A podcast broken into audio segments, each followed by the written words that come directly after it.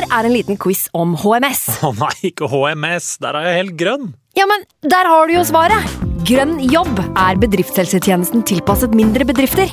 Våre HMS-eksperter hjelper mer enn 8000 bedrifter over hele Norge med alt fra lovpålagte HMS-krav til pålegg fra Arbeidstilsynet. Få på plass bedriftshelsetjeneste på grønnjobb.no. Hallo? Jeg kommer fra Oslo politikammer. Ine Jansen er purk. Er du purk? The motherfucking bitch. Alt jeg vil, er å finne ut hva som skjedde med mannen min. Jon Carew. Er jeg sikta for noe? Iben Akeli. Det er du. Ole So, Lars Berrum og Big Daddy Karsten. Hvem sin side er du på, egentlig? Anette Hoff, Tone Danielsen, Kommer du fra Afrika? Jørnis Josef, Nesten. Kløfta. Trond Espen Seim, Det er synd å si det, men det var feil mann som døde. Purk. Premiere tirsdag på TV2 Play. I can't believe it. Football, bloody hell.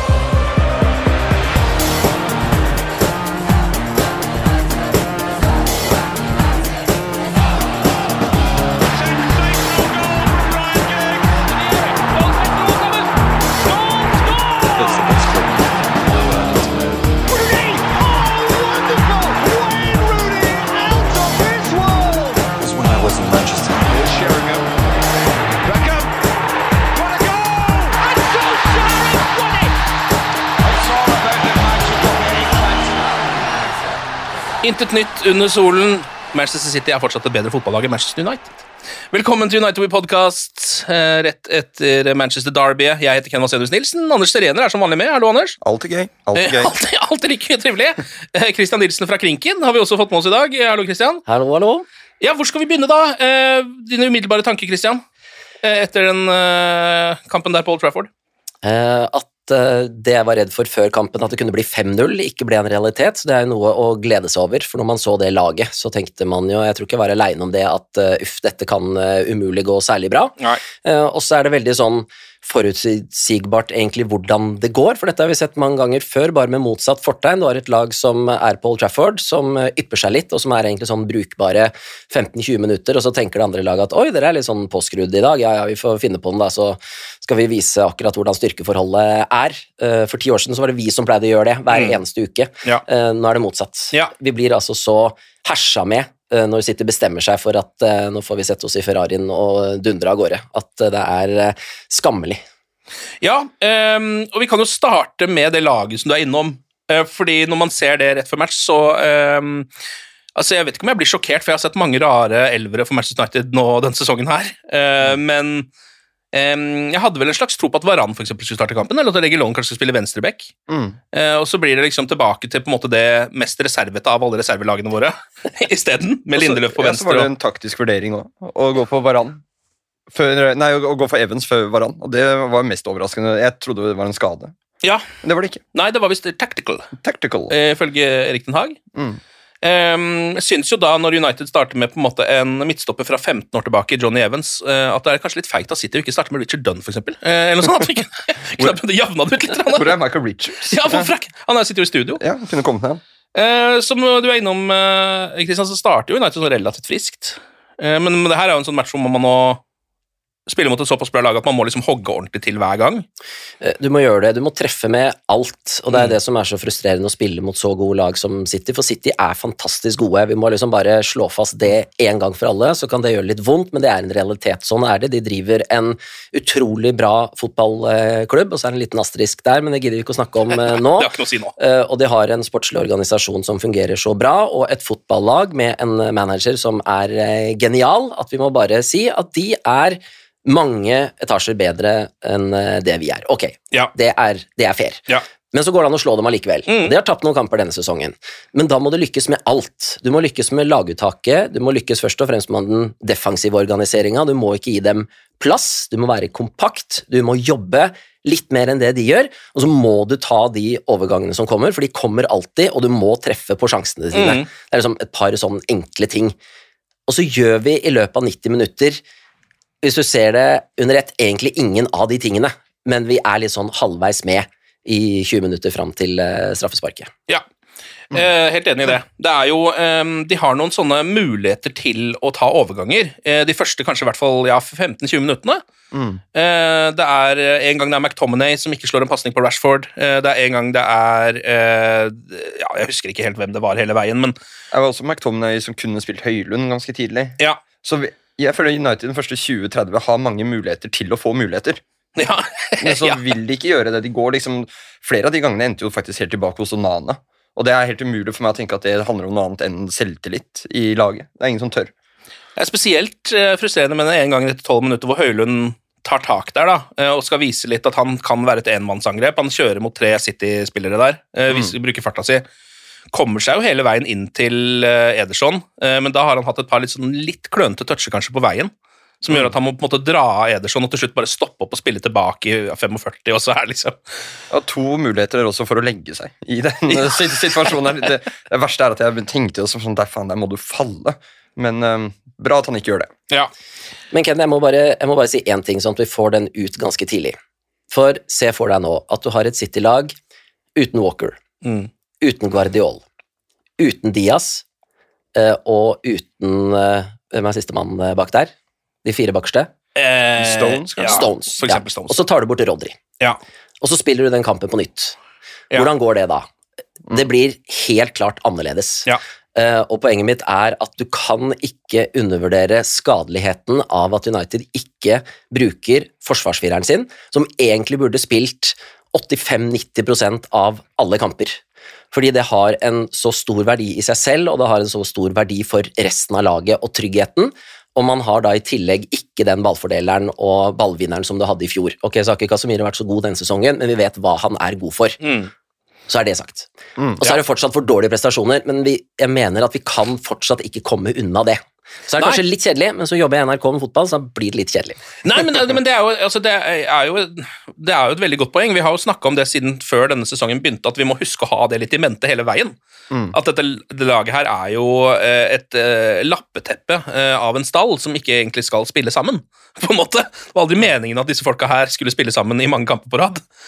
Eh, Så det må man jo ha eh, baki der, men samtidig så begynner det vel å bli litt vanskelig både for supportere og kanskje også for, spesielt for styret å å måtte legge, å liksom ta tak i den begrunnelsen hele tiden.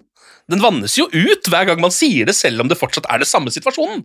Ja, og det er jo den der dynamikken at jo flere dårlige resultater, jo mindre kommer omverdenen til å ta hensyn til det argumentet. Mm. Eh, Sånn er det, og det må man bare være med på, og, og det får være greit. Eh, Og når det er sagt det med de spillerne som er eh, ute, og jeg mener at ting har vært annerledes, så er det klart at den prestasjonen som blir vist i går, og også i løpet av de siste kampene, selv om vi har vunnet, den er jo for dårlig, fordi det er så mange ting som svikter. Ja. Og dette er jo ting som vi, vi ser alle sammen. altså Hvilken måte skal Manchester United spille fotball på? Hva skal ballfører gjøre, hva skal de som er rundt han gjøre, og hva skal nestemann gjøre? Det ser jo ikke ut som de vet, Nei. og det er for dårlig uansett eh, hvem som er ute av en elver. Det, Ja. det, er, det må være helt åpenbart. Og nå begynner Ten Hag etter hvert å gå litt tom for forklaringer og unnskyldninger. Mm. Så ser man jo også at altså det går jo utover hele laget. det der. Du ser jo at spillere som for, eksempel, kanskje spesielt Marcus Rashford da, eh, virker litt desillusjonert, rett og slett. For han får jo fortsatt ganske mye ball. og Han har fortsatt mulighet til å utfordre, akkurat som han har hatt de siste eh, ni sesongene. Men det bare går, det, det stopper bare opp nå. Han, det er akkurat som han, Enten så tør han ikke lenger, fordi at han bare merker at eh, vi har jo ikke suksess med noen ting nå, så er det noe poeng å prøve å gå han bekken der. Ender opp med en støttepasning nesten hver gang. Eh, og så er det vel også det at han ikke lenger har noen eh, ordentlig overlappende venstrebekk, som gjør at han tar med seg en mann, sånn at han kanskje får litt plass. da. Så det er jo et sammensatt bilde, men, men resultatet blir jo at det er helt totalt tannløst framover og ganske dårlig bakover. Ja, det blir liksom ingenting, da. Nei. Og når du ser på altså, Rashford er litt lett å hakke på, sikkert, da, men det er, det er irriterende å se han Han har sånn bevegelsesmønster som en verdensklasseving. Altså Som Vini eller Mbappe eller noe sånt. Han går og lunter. ja, eller Messi, liksom. Eller, ja, går, går rundt og lunter og liksom lukter etter hvor ballen skal havne. og sånn Men når du da ikke produserer noe, når du ikke gjør noe, så ser jo det bare helt forferdelig ut. Ja. Null defensivt, null offensivt. Så er han isolert, og han har ikke venstrebekken, og sånn, men, men det er for dårlig. Ja, Det er, og, sorry, men Bruno er helt, helt forferdelig i den kampen i går. Ja. Vært forferdelig i flere kamper nå. Han er vel faktisk nesten direkte skyldig i et av disse målene, med en grusom pasning som ender med en overgang og 3-0, eller hva det er. og det bare Det ser så Det er så hengehuer nå Ja, på flere av nøkkelspillerne. Som, og Mount, hvor er han? Hvor er Mount, som var det første kjøpet til United i sommer? Skulle komme inn med frekvens i beina og gjøre ting på midtbanen. Han får ikke starte engang. nei. McTominay starter i rollen Mount er tiltenkt, og det er helt det er, det er, jeg, jeg skjønner ikke Ten Hags taktiske disponeringer lenger. nei. Og det er trøblete, syns jeg. Mm. Og så er det jo en grunn til at man henger med huet òg, fordi altså når alt må sitte da, mot et sånt lag som Manchester City, så, så ender det jo selvfølgelig opp med det totalt motsatte. At du liksom får en, eh, en straffe mot deg etter en eh, Ja, det er vel e- det, Du begynner å sjekke det etter sånn 23 minutter, nesten. Mm. Eh, Den VAR-sjekken som kommer ut av ingenting. Er, er det noen som skjønte hva det kunne være da det gikk til VAR? Altså, Jeg skjønte det skulle være mot Manchester United, selvfølgelig. Det vet jo alle. Men, men var det noen som var sånn Jeg tror det var ikke engang spillerne tror jeg skjønte Det var ikke en eneste reaksjon i det feltet etter den corneren, var det vel, hvor, det blir, eh, hvor eh, Høylund drar litt i Rodry. Ja, det var vanskelig å se. Jeg, jeg satt og fulgte med på Maguire da vi så Ja, det gjør man jo alltid. Ja, men, for det var liksom han som ble fokusert på også, Ja. Men når producer ikke engang selv skjønner hva som er situasjonen Mm. Så det der, jeg, det der synes jeg var Jeg orker ikke å bli helt konspiratorisk, men hva faen var det der, liksom? Det er helt sykt. Ja, ja. Altså, jeg syns ikke det er kontroversielt engang å si at Manchester United aldri hadde fått en straffa. Altså, det er ikke kontroversielt, syns jeg, eh, i, i det hele tatt. Um, men eh, ja, jeg vet ikke. Nå er det jo Nå er til og med liksom Jamie Carragher ute og sier at han ikke at han, Eller at han skjønner at det kan blåses på, da, selvfølgelig, når det stoppes opp og blir varsjekk, fordi da kan man jo blåse på det, selvfølgelig. Eh, Da kan du blåse på alt. Da Ja. kan du blåse på alle de fem andre holdningene som foregår eh, i feltet. Så skal det nå bli interessant, siden det nå er innført en ny linje på holdning i feltet, eh, at de klarer å være konsekvente på den i ukene som kommer. Regner med det. Ja, ja, det For hens regel den endra seg jo etter at United ikke fikk det straffesparket som de burde hatt mot Tottenham. Det har vi sett flere eksempler på. Så det er Ja. interessant hva som skjer videre der. Ja, og folk har jo selvfølgelig trukket fram holdninga mot Høylund mot Arsenal eh, inn boksen der, eh, som jo var ganske drøy. Det er et livtak. Ja, men, altså, men altså bare i den situasjonen som blir straffe mot United øh, mot City der, så hvis du stopper bildet, så Mm. vil du se fem andre hendelser. Ja. Altså det, det, det er helt Hadde dommeren sett det selv og blåst, så hadde jeg fortsatt syntes det var rart, men ok, da har han lagt seg på den. Ja, Da har han i hvert fall fått med seg det live. Ja, da hvis har du han skjønner, da, Mm. sett det, men at VAR går det, det, er, det er helt umulig for meg å forstå. Men jeg forstår ikke fotballregler lenger, så det Men så må vi ikke lure oss selv heller, da. Ja, ok, det er kjipt å få det straffesparket, og i en annen verden så blåses det kanskje ikke ni av ti eh, ganger, men jeg er ganske sikker på at vi hadde tapt allikevel. ja, og ja, ja. ja da. Det du trakk fram som positivt innledningsvis, at United ikke vant 5-0, nei, tapte 5-0, det var på en måte det kjipeste for meg, for jeg følte helt igjen at det kunne City gjort hvis de ville. Mm. Altså den der 3-0 er jo sånn, De kunne skåret 2-3 hvis de hadde satt opp tempoet når som helst den kampen. her Ja. Og det gjør det ekstra vondt. altså Ja. Det det ekstra, det var aldri håp, liksom. Nei, det, det var jo egentlig like ille som de kampene, altså det der eh, voldsomme tap mot Liverpool eh, forrige sesong, hvor de bare ikke, ikke stoppa opp. Ja, For det blir jo, er jo egentlig litt det samme. Det er like, liksom, like overlegne City i den kampen her, da. Men da scora de jo på alt, da. De hadde Ja, det- åtte avslutninger på mål eller noe sånt. Ja, nå, men det er sånn, hvis City hadde måttet vinne 7-0 for å vinne serien eh, på søndag, så helt enig med deg, Anders, da hadde de bare gjort det. For det Mm. Ja, var det de måtte. de hadde det. Ja, de måtte ikke vinne noe mer. eh, De vinner 3-0. De utklasser eh, det som skal være lokalrivalen, og kan eh, slappe av litt på slutten. Ja, og får liksom hvilt, hvilt spillere, de. Ja. De får jo rett og slett det, da. Eh, og så har jo, altså Det eneste man kan trekke fram som er sånn delvis positivt, er jo at United har noen sjanser. Eh, McTominay har en volley der etter 46 min. Høylund er alene med keeper etter at de eh, ligger under. Så kunne jo ha kommet tilbake på det, men jeg vet ikke om det hadde endra så veldig mye. Og så er det jo veldig lette de sjansene som City har, da. Altså bare um, På overtid i første omgang så eh, er Bernardo Silva nede på venstrekanten der og bare chipper ballen inn på bakre. Eh, Der er eh, Erling Breit Haaland, selvfølgelig. Mm. Uh, ingen som er i nærheten av han heller. Uh, han kan bare nikke ballen i åpent mål, men Onana redder den på litt sånn halvmirakuløst vis. Mm. Og så skjer det samme bare med en. Altså, det skjer etter 48 minutter i første omgang, og etter 48 minutter i andre omgang så skjer akkurat det samme, men da blir det mål! Ja, og det, det her har City holdt på med i årevis. Det Ja. der å komme inn på bakerste stolpe og score og stå helt umarkert. Og det er smått mirakuløst at et United i overtall i nesten alle de situasjonene der inne i 16-meteren, de er ofte åtte mot fem, åtte mot fire, Ja. ikke klarer å, eh, å dekke opp. Det, det er for dårlig. Eh, Samtidig som City er veldig gode på det, men da mener jeg at da det må man klare å kreve at eh, såpass gode spillere og høyt gasjette spillere som er på et bra nivå, bør være oppmerksom på. Altså. Ja, og jeg tenker jo at sånne ting har noe med kampplanen å gjøre også, da, eh, tidvis, fordi Dette her er vel en kamp hvor Nå vet jeg at United ikke skal spille sånn under Ten Hag, da, eh, på samme måte som de gjorde for eksempel under Solskjær, men det kunne jo vært naturlig å tenke at mot Manchester City så kanskje vi skal demre opp litt bakover og kontre eh, med de raske vingene våre, f.eks., eh, og den raske nye danskespissen vår. Og det gjorde de jo innimellom, men da føler jeg det var litt på slump. Det var ikke fordi de liksom Hva skal man si, det var ikke fordi de hadde åtte mann i 16 og på en måte klarte å demre opp ordentlig. Ja, Noe som jeg syns er veldig rart, det er at de to sjansene som du refererer til, McTominay og den til Rashford der, hvordan oppstår den? Jo, den oppstår ved at de slår i bakrom. Og City står jo så høyt med hele laget sitt at ikke United pøser på i bakrom og får City for en gangs skyld til å løpe med nesa mot eget mål. Det er også sånne ting som er vanskelig å forstå, som går på en, en taktisk vurdering. Altså. Ja, rett og slett. Jeg satt Eh, og savna Solskjæret. Altså, Ja. ja. men Solskjær var eh, god i disse kampene her, og da var det nettopp bakrom og kontringer med en plan. mm, Men nå er det, det er, jeg, jeg, jeg har virkelig prøvd å forstå hva planen var i går, ja. men det er helt umulig. Ja. Ja, det er én ting som jeg på en måte um, Altså Jeg forstår litt at Christian Eriksen starter den kampen, for han er vel en av de få han det er han og Bruno da, som kan slå de pasningene i det bakrommet. Eh, Og det gjør jo Eriksen et par ganger også. Han gjør det en gang til Rashford, hvor han tar ned på kassa i andre omgang.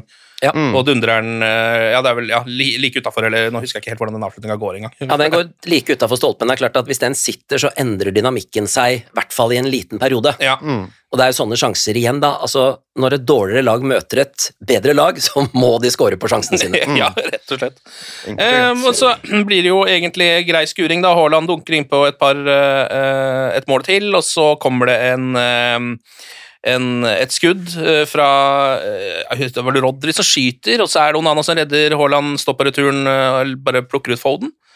Og da er kampen eh, over for lenge siden, rett og slett. Yes. Eh, Etter det så er det bare masse frustrasjon fra United-spillere. Antony kommer inn der og hakker ned noen folk. eh, Og det er liksom Okay, kan jeg bare få si det? Altså, det der innhoppet til Antony Det er noe av det mest begredelige jeg har sett på Ja. lenge. er Nå er jeg frustrert, og jeg må beklage. Jeg vet at lyttere er lei av at jeg er gretten og sånn, men, men det der, det å sitte og surmule på benken, som han alltid gjør, sitter og ser veldig sur ut, veldig sånn mm, 'Jeg får ikke spille, nå skal jeg inn og vise meg.' Så kommer han inn, prøver å skade en ung City-spiller. Det er jo det han gjør. Han Ja. bare prøver å klippe han ned, uh, som er en takling som det, det er, jeg syns det er klink rødt kort i tillegg, for at det, er, det er ingenting annet enn å skade en ung spiller.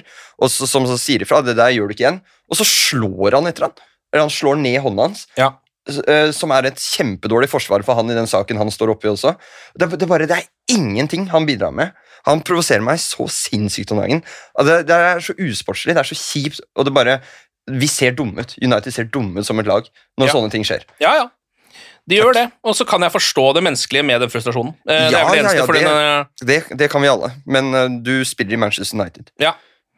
Ok, det blir 3-0. Det kunne var vel Altså, hvis man skal bare tenke, tenke litt sånn eh, stort på det, så var jo ikke det noe overraskende. Egentlig ikke noe krise i det eh, i seg selv. Krise er alt det andre som skjedde før den kampen, og som kommer til å skje etter den kampen.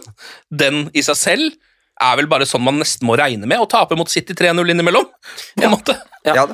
Eh, Men ja, eh, det er jo sånn som forsterker alt. Altså nå, jeg føler at nå må vi vel begynne å snakke om Erik Den Haag, må vi ikke det? Vi har prøvd å, liksom, han har vært litt beskytta fram til nå. Han har det eh, med rette, fordi den jobben som han måtte gjøre da han kom inn, den er så enorm at jeg tror det er vanskelig å fatte. Og han har gjort veldig mye riktig. Mm. Eh, og han har ikke blitt noe dårligere manager eh, etter eh, ett år.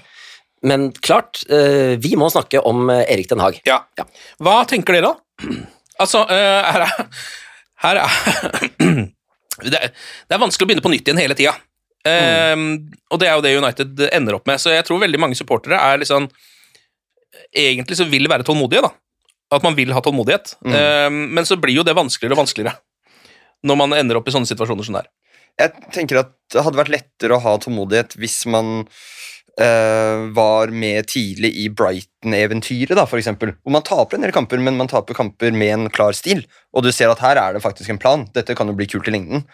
Problemet med United nå, som det har vært i så mange år før, at det er ett skritt fram og to tilbake. Mm. I fjor så vi en klar plan. Vi så, uh, vi så taktiske gode vurderinger. Vi så han, Ten Hag var god til å bytte i løpet av kampen, endre kampbilder. Alt det er borte. Nå er det, Men han sa det vel også selv da etter kampen i går, at eh, nei, jeg kan ikke spille med dette laget her som jeg gjorde med Ajax. Dette er spillere som eh, trenger en mer direkte spillestil, og det Jeg vet ikke om det er en tillitserklæring fra treneren sin heller. For eh, Ten Hag var jo nesten Han skulle komme inn og spille den der fantastiske Ajax-fotballen. Det var det vi håpa på. Mm. Vi har jo sett tendenser til det i fjor. Ikke så mye i år. Nei. Og det handler kanskje om skadene, da, som du var innom. Det handler noe om skadene, selvfølgelig. Eh, og så sies det jo fra, fra flere informerte hold om at det har vært en ganske sterk diskusjon i trenergruppa til United hvordan er det vi skal spille med det laget som vi har akkurat nå. For Ten Hag er jo en trener som vil spille på en definert måte, Mm. eh, men det virker som om det har han rett og slett ikke spillere til, eller en tropp nå til å gjøre, så da må man enten da være pragmatisk og si ok, da forandrer vi oss eh, midlertidig, eller man sier ok, da gjør vi det som vi er gode, eller som vi skal være gode på, og så får vi stå i dritten så lenge det varer, for det kommer til å bli bedre. Nå virker det jo ikke som de gjør noen av delene. Nei. For jeg, har ikke noe imot å spille kontringsfotball og være gjennombruddssissy, men da må vi være gjennombruddssissy og så dyrke det 100 så vil jeg bare slå langt, da. Mm. Slå diagonalt og, og få City til å lure på når er det den ballen kommer ned, sånn at vi kan begynne med det som eh, vi holder på med, som vi Mm. liker å holde på med. Ja, det er det som jeg synes nesten er litt skremmende, er at det virker jo som om Erik Ten Hag rett og slett har gitt opp sin egen stil, egentlig, i Manchester United, da, for han merker at det, han ikke, det får han rett og slett ikke til. Nei, eh, og da er det noe som skyldes skader, men der han begynner å gå litt tom for forklaringer, er jo at nå har han hatt tre vinduer på å reparere den stallen. Ja, og så må det fortsatt eh, ganske kraftige reparasjoner til, men han kan ikke fortsette med det her i lang, lang tid. Nei. Han, han må levere bedre prestasjoner og resultater ganske snart, ellers kommer presset til å bli enda større etter hvert, så kan det jo bli uutholdelig. Mm. Og, og hva skjer den dagen denne avtalen med Injos er i orden, og de kommer inn og sier ok, nå begynner vi. For det som kan hende, er jo at de sier nå begynner vi helt på nytt. Vi skjønner at dere har gjort det før, men vi har ikke tillit til at det dere gjør og har gjort, er riktig. Mm. Derfor kjører vi på med våre folk, renser ut alt omtrent av det som er av beslutningstagere, og så begynner vi på nytt, og så skjønner vi at det kommer til å ta litt tid, eh, men det er det som vi vil gjøre. Ja, og jeg vil jo ikke Jeg vet ikke, akkurat sånn som det er nå, så ville man jo ikke tenke at det er så ufornuftig å tenke heller. Eh, at det er en del folk som sitter der som kanskje må røskes opp i. Nei, definitivt. Altså, se på organisasjonen, se på kompetansen, se på CV-en til de som sitter i eh, nøkkelposisjoner.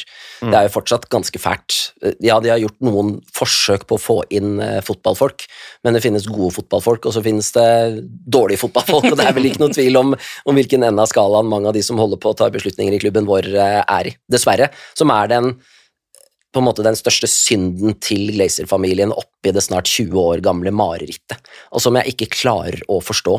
Hvorfor rekrutterer ikke de verdens beste mennesker til å ta de viktige sportslige avgjørelsene? For det må jo gjøre noe med verdien på produktet deres. Og det gjør det jo.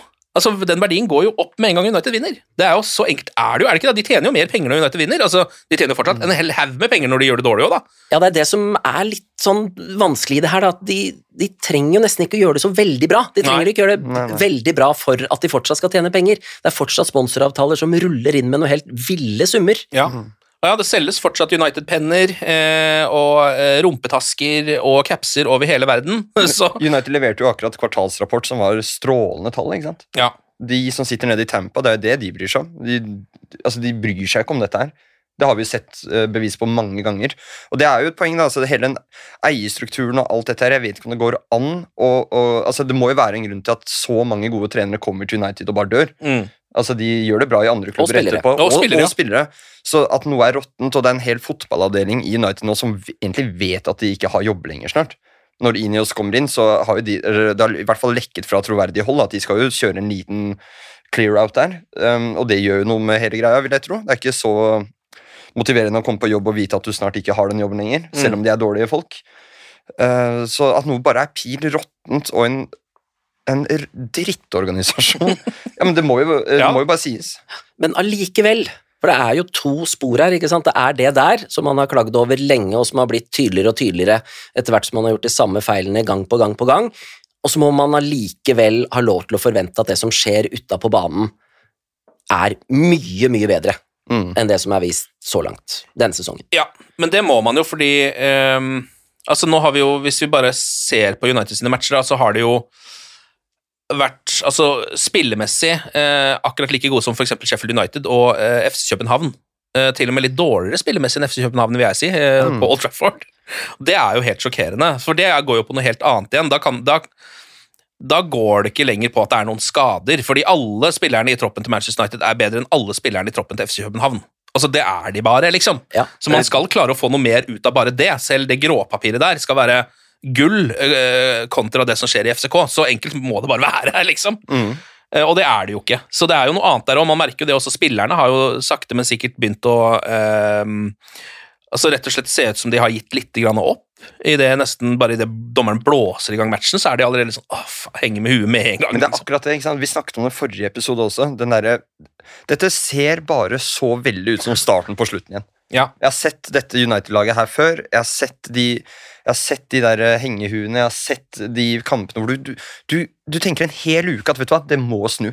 Det må faktisk snu. Ten Hag er en god trener, eller Ferguson er en, ikke Ferguson, men Mourinho, eller hvem enn det skulle være. Og så gjør det bare ikke det. Nei.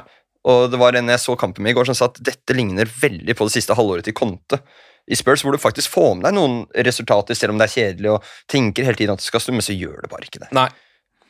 Nei, så det, Nå blir det jo rett og slett spennende å se hvor lenge uh, Erik Den Haag sitter, og også hva som skjer etter det, for det begynner jo å bli litt utplukka eh, på managersida òg. Det er ikke bare å hente inn nye folk der, liksom. Nei, det er jo ikke det. Det har vi jo prøvd på før, og, og fotballen nå er jo ikke sånn Før så var det sånn ok, det er liksom ti managere der ute som er mulig å se på, eh, og før så var det også ti spisser som man kunne se på. Mm. Når man drev og snakka om hvem United skulle hente på topp eh, foran denne sesongen, så var utvalget så utrolig snevert, Ja. eh, og man visste at han som man aller helst ville ha tak i, han kommer man høyst sannsynligvis ikke til å få tak i, pga. pakka med Harry Kane. Mm. Som jo heller bare er i uh, München og skårer fra midtbanen der. Ja. Så det er jo Det er jo ålreit. Altså, det blir for dumt og enkelt å trekke fram det hele tiden, men det var jo ikke sånn at eh, godeste Ernst kom til Tottenham i år uh, til en helt stabil og god organisasjon. Altså, det, det var en ganske vanskelig jobb han egentlig kom til. Ja. Så det går jo an i fotball å, å innføre noe glede i troppen og spille kul fotball på noen uker. Ja, jeg føler liksom egentlig at Ernst og Solskjær kan sammenlignes ganske eh, nøye, fordi de kom inn med litt sånn fotballglede og tok kanskje bort en del av det hva, skal man si, det, en del av det sånn eh, strikte regimet som hadde vært i de klubbene før. da. Eh, og det er jo selvfølgelig noe som er deilig når man, kom, når man hopper etter folk som Mourinho og Conte. Eh, man vet at hvis det er én ting jeg kan gjøre, så kan jeg i hvert fall smile når jeg går inn i garderoben, for bare det vil sannsynligvis hjelpe litt. Da. Og si til folk at du kan få lov å gjøre, du kan få lov å drible litt. eh, Du kan få lov å spille litt framover, og sånne ting. Men eh, ja, nei, det der um, Det ser jo virkelig ikke bra ut. Eh, Jeg tror, ehm, jeg tror Erik Den Haag har smått panikk og lurer på hva i alle dager han skal finne på. Eh, Fordi det er ikke noe quick fix på noe av dette. Så um Quick fix er det jo ikke, og det var jo som flere har eh, skrevet til oss også på Twitter, at uh, kanskje Ragnhild var inne på noe da han etter 5-1-tapet mot Liverpool eller hva det var, sa at uh, her er det en hjertetransplantasjon som må til. Ja. Ikke, en, ikke noe quick fix. Men det var vel åpenbart at Mm. der hadde han helt rett, og så er synet på Ragnhild er, er veldig delt. Han, han sa vel bedre ting enn det han fikk laget til å prestere ute på banen. ja. Eh, Men der hadde han helt rett, at det var en garderobe som måtte røskes opp i, og så mye i den klubben som må gjøres. Men så er jo den jobben faktisk i gang. Ten Hag har jo gjort en del av de tingene der, har jo kvitta seg med en del eh, spillere, fått inn sine egne folk, Eh, men man er eh, Pasienten ligger fortsatt på bordet, og det er, det er ganske mye som må gjøres før den operasjonen er over. ja, det er det. Eh, Det må en del mesterkirurger til altså for å fikse opp i det greiene der, rett og slett. Ja, ja, det, det. Vi kan jo også ta en prat om Bruno Fernandes i kapteinsrollen. Roy Keane har jo vært ute og kritisert ham nå. Eh, og Roy Keane er jo god til å kritisere både det ene og det andre, han, og kanskje spesielt United-spillere, men eh, har han et poeng, eller? I at Bruno Fernandes ikke er mannen som burde ha det kapteinspinnet? Altså, vi tro, eh, da han fikk det, så tenkte jeg jo at det var det, nesten den eneste mannen de kunne gi det til. Mm. Jeg syns det er veldig vanskelig å diskutere akkurat det kapteinspinnet, for jeg, det er så vanskelig for oss å vite hva som legges til grunn for det. Altså, det virker veldig rart at uh, Ten Hag gir han kapteinspinnet hvis ikke spillerne tenker at dette er en, en god lederskikkelse for oss. Men når man ser den kampen mot City, eksempel, så, så er han jo en suttrunge, liksom, Mm. av rang. Eh, og når han leverer dårlig, så leverer han så veldig dårlig også. Um, og det virker jo da rart at han er kaptein, så klart, eh, i de kampene der. Ja, men så det jo, må man jo også kanskje se på kandidatene, da, for er det så mange andre? Altså, Det var jo Harry Maguire som var kaptein før han, da.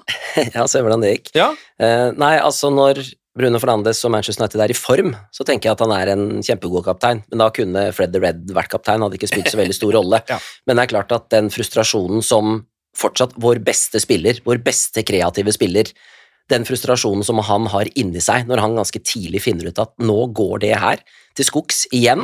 Antageligvis er den sesongen her kjørt. Det blir ikke noe mesterliga på meg neste sesong. Den frustrasjonen som bygger seg opp der og som kommer til syne, den kommer nok veldig fort til syne hos han, og det er jo en dårlig egenskap som kaptein, men man kan jo skjønne valget. Også at det er på en måte å, en måte å å manifestere hans posisjon på. Dette er vår ledestjerne. Dette er den offensive nøkkelen som skal sørge for at Rashford fortsetter å skåre, at han eh, nye dansken også skårer mange mål. Og så går det ikke sånn av mange forskjellige årsaker, altså. Men nå, det, er, det er en typisk Keane, da. Jeg må get rid. Ja. Jeg, vet ikke om det er det som er eh, greia her, altså. Nei, og jeg tror heller ikke det er så jeg tror ikke, For jeg tror ikke det eh, Jeg tror ikke alternativene fins der, egentlig. Altså, Jeg tror ikke det fins en bedre kapteinstype, dessverre, i laget. Det sier også litt om laget, da. Mm. Men enn Bruno Fernandes akkurat nå. Det må i så fall være Scott McTominay, for han har veldig mye av de kvalitetene, men han er jo ikke en god nok spiller, for han kommer jo ikke til å spille fast. Forhåpentligvis, nesten, da. Uh, Han gjør jo det nå. Ja, han gjør jo det, han gjør jo det nå. Eh, Men om det på en måte er der Manchester United skal være, det kan man jo diskutere, da. Ja, jeg skulle gjerne sett Bruno i McTominay-rollen også, for eksempel. Det er jo også litt, det er mye sånn hvordan laget settes opp som er litt rart. Og som, det, jeg føler at det er veldig lett for supportere å si at det der funker ikke, funker ikke med Bruno på høyre, for eksempel. Men det gjør det jo ikke, da. Nei, men, men det må jo være en grunn til at han trekker ut her hele tiden. Han Ja. får jo beskjed om det, selv om det aldri funker. Og så er Tom, McTominay i T-rollen. Han har jo skåret mål og sånn, jeg ser den, men det er for dårlig kvalitet. Ja. Eh, Jeg vet ikke, Er det noe mer fra Twitter som er greit å ta tak i der, Anders? Anders? Det, som, det har kommet en del, en del reaksjoner, det forstår jeg jo etter Ja, vi har vært eh, innom det meste. Vi har vært innom tinfoil hat og var-rommet. Eh, som eh, også blir eh, Men også så klart mange som påpeker nettopp det at Luke Shaw har jo ikke eh, vært der hele sesongen. En enormt viktig spiller for Manchester United. Da er vi tilbake på skadene. Og så tror jeg det er en unison enighet, om at ting ikke vil bli bra før Glazers er ute. Ja. Og det har vi også vært innom, og det er nok sant, men ting kan ikke bare være krise helt til de er ute, for det kan ta lang tid.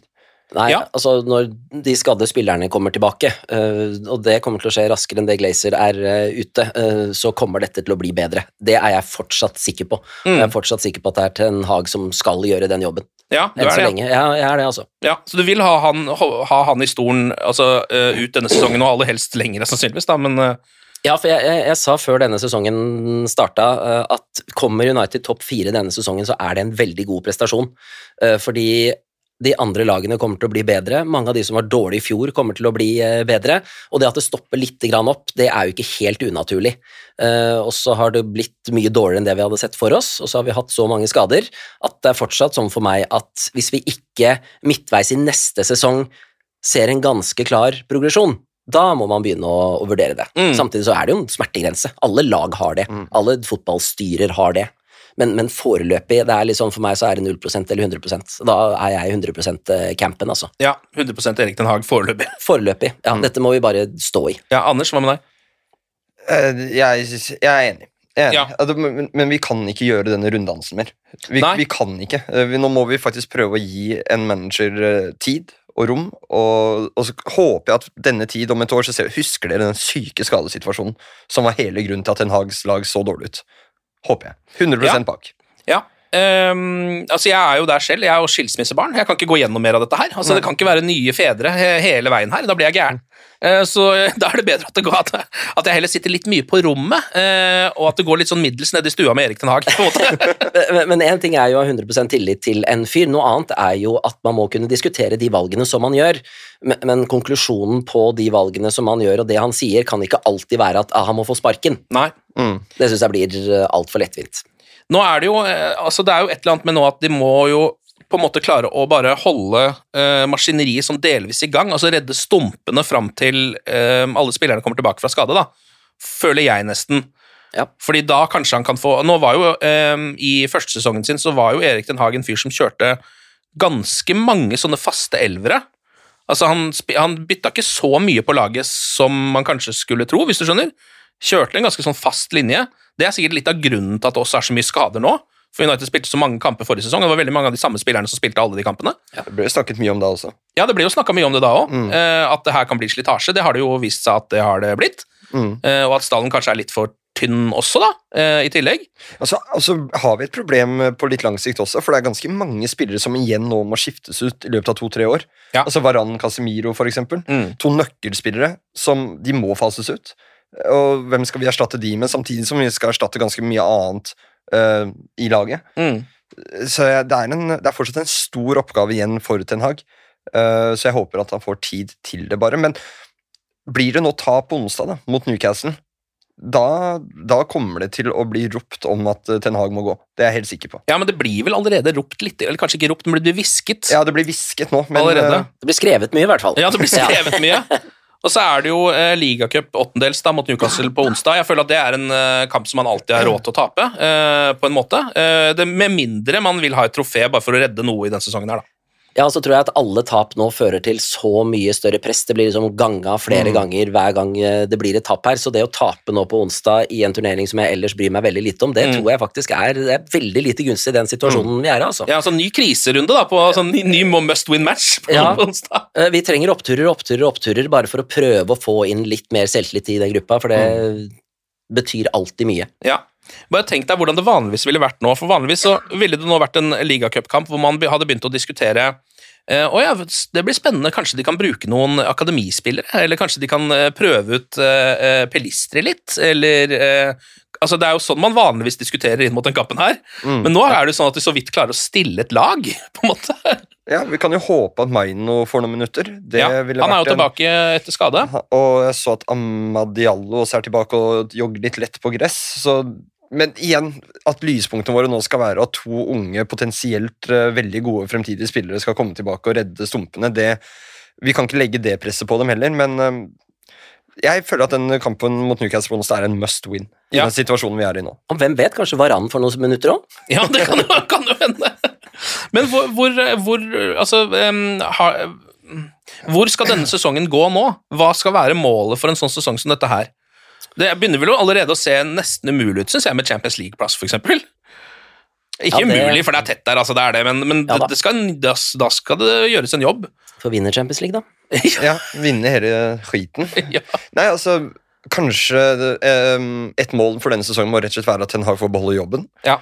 Eh, og kanskje det vil være gunstig for United å ha en sesong neste år uten masse turneringer. Uh, det har eh, sett bra ut for andre lag tidligere, Mm. så det er jo jævla deprimerende å tenke det allerede nå. Men, men uh, kanskje det er tingen, da. Kanskje vi må håpe på en sjuendeplass eller noe sånt, så vi kan få masse tid på treningsfeltet neste sesong. Ja, og ha, ja, og ha et, et lag som kan satse på Premier League, på en måte. Ja, Drilles litt. Ja. Ja, nei, det er, man må jo eh, ta tak i de halmstråene man kan få, eh, rett og slett, i en sånn situasjon som dette her. Noe å tillegge på tampen, eller? Det vil helst gå godt. Nei, jeg, må, jeg, ja, nei, jeg må bare be om litt tålmodighet, og at folk klarer å Det er lov å bli sur, og det er lov å bli skuffa, men prøv å være saklige. Ja. Og ikke gå i tottene på hverandre, og gjør det som supportere skal gjøre. Mm. De er der for to support, Ja. ikke for å slenge dritt, for det blir ikke noe bedre av det, altså. Nei, eh, og som vi har pleid å si i denne ganske tunge perioden som har vært litt for lenge nå, ta vare på hverandre. Alle hater oss, har, vi har bare hverandre Mm. å ta tak i. Du kommer til å få eh, eh, slengt eh, dritt i trynet fra supportere av alle andre lag. Altså Til og med folk som nå er eh, supportere av Sheffield United, føler at de på en måte ligger litt over oss. På en måte. Selv om de ikke gjør det på tabellen i det hele tatt, men rent mentalt så tror jeg faktisk de gjør det. Det er jeg helt sikker på. Ja, det er jeg også. Ok, Anders og Christian, tusen takk for praten, og glory, glory.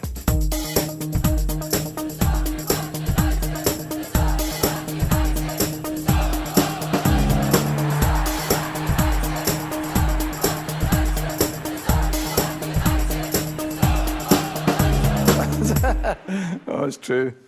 I've seen many things. Moderne media.